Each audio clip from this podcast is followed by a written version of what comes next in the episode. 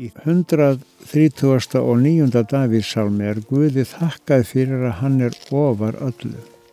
Fylgist með hverjum einstaklingi er allar stundi búin til að umvefja hvern mann með vernd og kærleika. Það er erfitt að skilja, en undursamlegt að vita.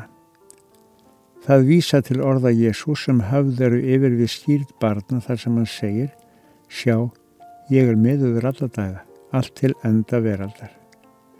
Heyrum úr Davíð Sálmunum þar sem segir Drottin, þú rannsakar og þekkir mig. Hvort sem ég seti það stend þá veist þú það. Þú skinjar hugræningar mínar álengdar. Hvort sem ég gengaða ligg þá aðtögar þú það og alla vegum mín að gjörð þekkir þú. Egi er það orð á tunguminni að þú drottin þekkir það eigi til fulls. Þú ömleikur mig á bak og og hönd þína hefur þú lagt á mig. Svo þekking er undursamlegur en svo að ég fái skilir og af háleit ég er henni eigi vaksin. Prófa mig Guð og þekktu hjarta mitt. Rannsaka mig og þekktu hugsanir mínar og sjá þú hvort ég geng á glötunar vegi og leið mig henn eilífa veg. Við skulum taka undir þá lofgjörð og byggja Góður Guð sem himnunum stýrir. Þökk sé þér fyrir að þú ert hjá okkur á þessari stundu eins og á öllum andartökum lífsokkar. Þakk sé þér fyrir að þú ymlikur okkur á bak og brjóst og veitir þína umhyggju í lífi og dauða. Því leggjum við allt í þínar hendur. Þykjum þína leiðsögn. Blessa þú umhverfi okkar fjölskyldur, land og þjóð.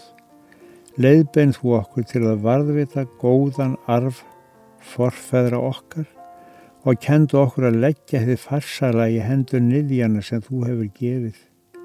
Stittu þau til þess að rækja bænalífið og vináttu við þig. Ebl okkur hverja nótt til fíldar og hvern dag til starfa.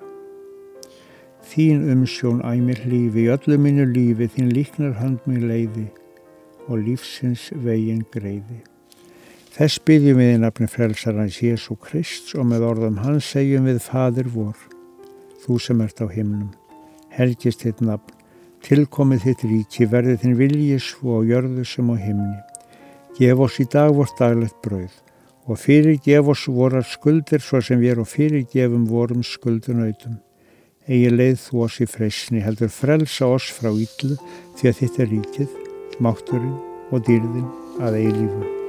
아멘.